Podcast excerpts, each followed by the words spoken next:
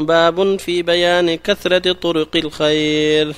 قال الله تعالى وما تفعلوا من خير فإن الله به عليم وقال تعالى وما تفعلوا من خير يعلمه الله وقال تعالى فمن يعمل مثقال ذرة خيرا يراه وقال تعالى من عمل صالحا فلنفسه والآيات في الباب كثيرة وأما الأحاديث فكثيرة جدا وهي غير منحصرة فنذكر طرفا منها. الأول عن أبي ذر جندب بن جنادة رضي الله عنه قال قلت يا رسول الله أي الأعمال أفضل؟ قال الإيمان بالله والجهاد في سبيله. قلت أي الرقاب أفضل؟ قال أنفسها عند أهلها وأكثرها ثمنا. قلت فإن لم أفعل. قال تعين صانعا أو تصنع لأخرق. قلت يا رسول الله أرأيت إن ضعفت عن بعض العمل؟ قال تكف شرك عن الناس فإنها صدقة منك على نفسك. متفق عليه.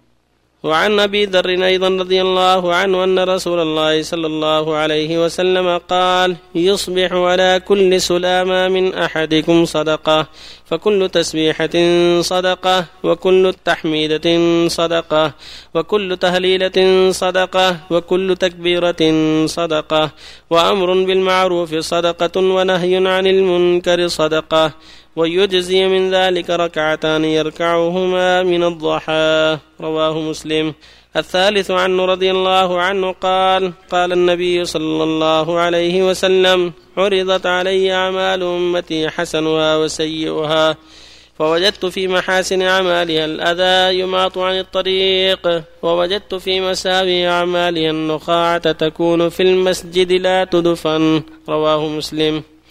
وبالله التوفيق صلى الله عليه وسلم. صلى الله وسلم على رسول الله وعلى آله وأصحابه ومن اهتدى بهداه. أما بعد هذه الآيات الكريمات والأحاديث في بيان كثرة طرق الخير.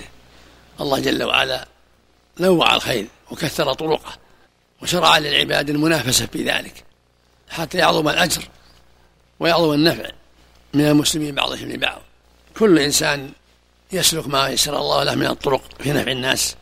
في التقرب إلى الله عز وجل بأنواع العبادات كما قال جل وعلا وفي ذلك فليتنافس المتنافسون قال تعالى وسارعوا إلى مغفرة من ربكم وجنة عرضها السماء عدة للمتقين قال تعالى فاستبقوا الخيرات قال تعالى فمن يعمل مثقال ذرة خيرا يره وقال جل وعلا وما تفعلوا من خير يعلمه الله والآية الأخرى وما تفعلوا من خير فإن الله به عليم ويقول جل وعلا وما أنفقتم من شيء فهو يخلفه وهو خير الرازقين.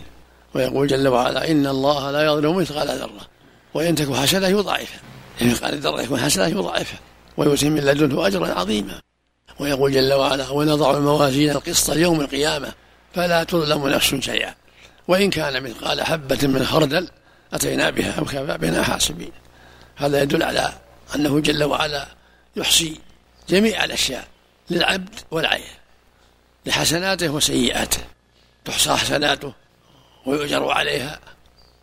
وتحصى سيئاته ويستحق العقاب عليها إلا من عفى الله عنه أو تاب من سيئاته. الحديث الأول حديث ذر يقول صلى الله عليه وسلم لما قيل قال أبو ذر يا رسول الله أي الإسلام أفضل؟ قال إيمان بالله وجهاد في سبيله. قلت يا رسول الله أي الرقاب أفضل؟ قال أغلاها ثمنا وأنفسها عند أهلها. العبيد. أغلاها ثمن وأنفسها وهكذا الهدايا.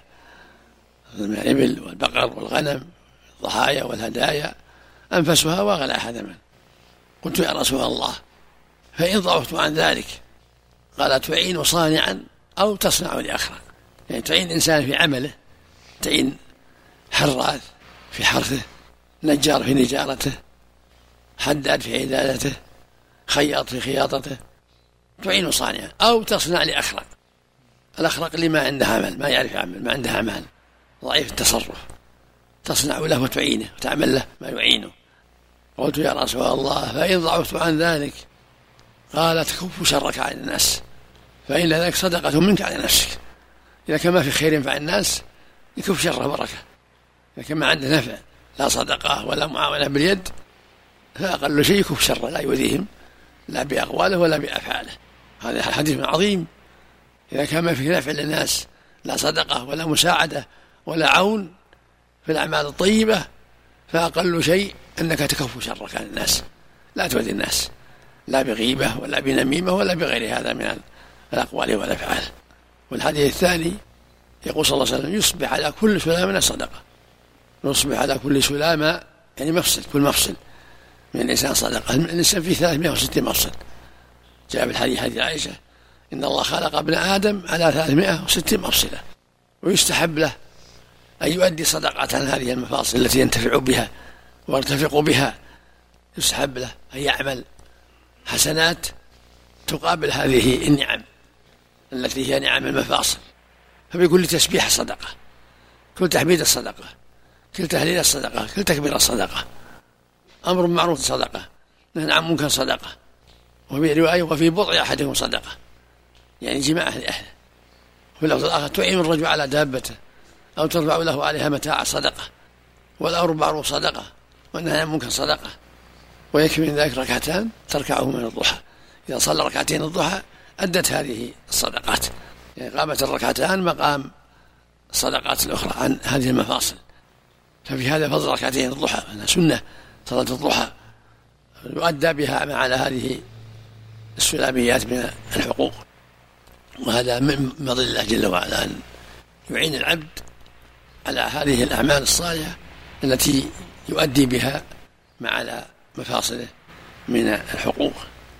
كذلك حديث عليه أجور أمتي فرأى في محاسنها القذاة يخرجها الرجل من المسجد ورأى في مساويها أن نقاعة تكون المسجد لا تدفن فالأجور كثيرة والأعمال كثيرة إذا تلذ عن الطريق حجر أو عظم أو شوكة إذا أزالها عن الطريق. وعدم في المسجد أعواد خرق في المسجد يزيلها. كلها من أعمال الخير. فمن يعمل مثقال ذرة خيرا يره مثل قيل ذر. هكذا في مساجد الناس ترى شيئا من الأذى تزيله. في الطرق كذلك. أعمى في الطريق تقوده إلى الطريق السوي. تحول بينه وبين ما يضره.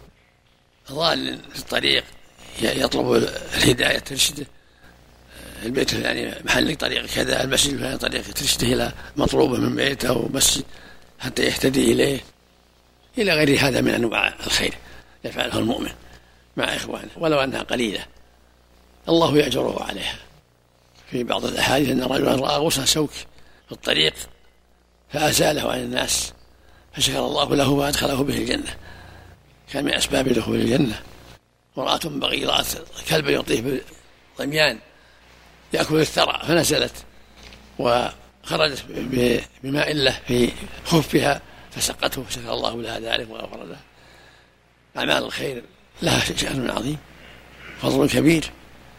ولو قلت مع النية الصالحة والإخلاص وفق الله جميعا. أعمال الخير هذه هل يؤجر بمجرد الفعل أم لابد من الاحتساب؟ لا لابد من الإخلاص لله والنية. لابد من النية. نعم. هل يسن المداومة على ركعتي الضحى أو سنة نعم. المداومة على سنة. النبي أوصى بها أبا هريرة وأبا الدرداء وغيرهم. سنة المداومة عليها. عند ركعات يقال سنة مؤكدة. نعم سنة مؤكدة. من قوله أحسن سنة من قول من قول النبي. فعلها بعض الأحيان صلى الله عليه وسلم. ولكن أوصى بها وأكد عليها عليه الصلاة والسلام. ولعله ترك المواظب عليها لئلا يشق على أمته. أحسن أحسن عليك تقول عائشة فيما رواه مسلم كان يصلي الضحى أربعا ويزيد ما شاء الله. في بعض الروايات عنها أن ما رأته يصليها. نعم؟ إلا يجيء من مغيبة. نعم؟ ما ورد شيء في قراءتها. لا ما تيسر.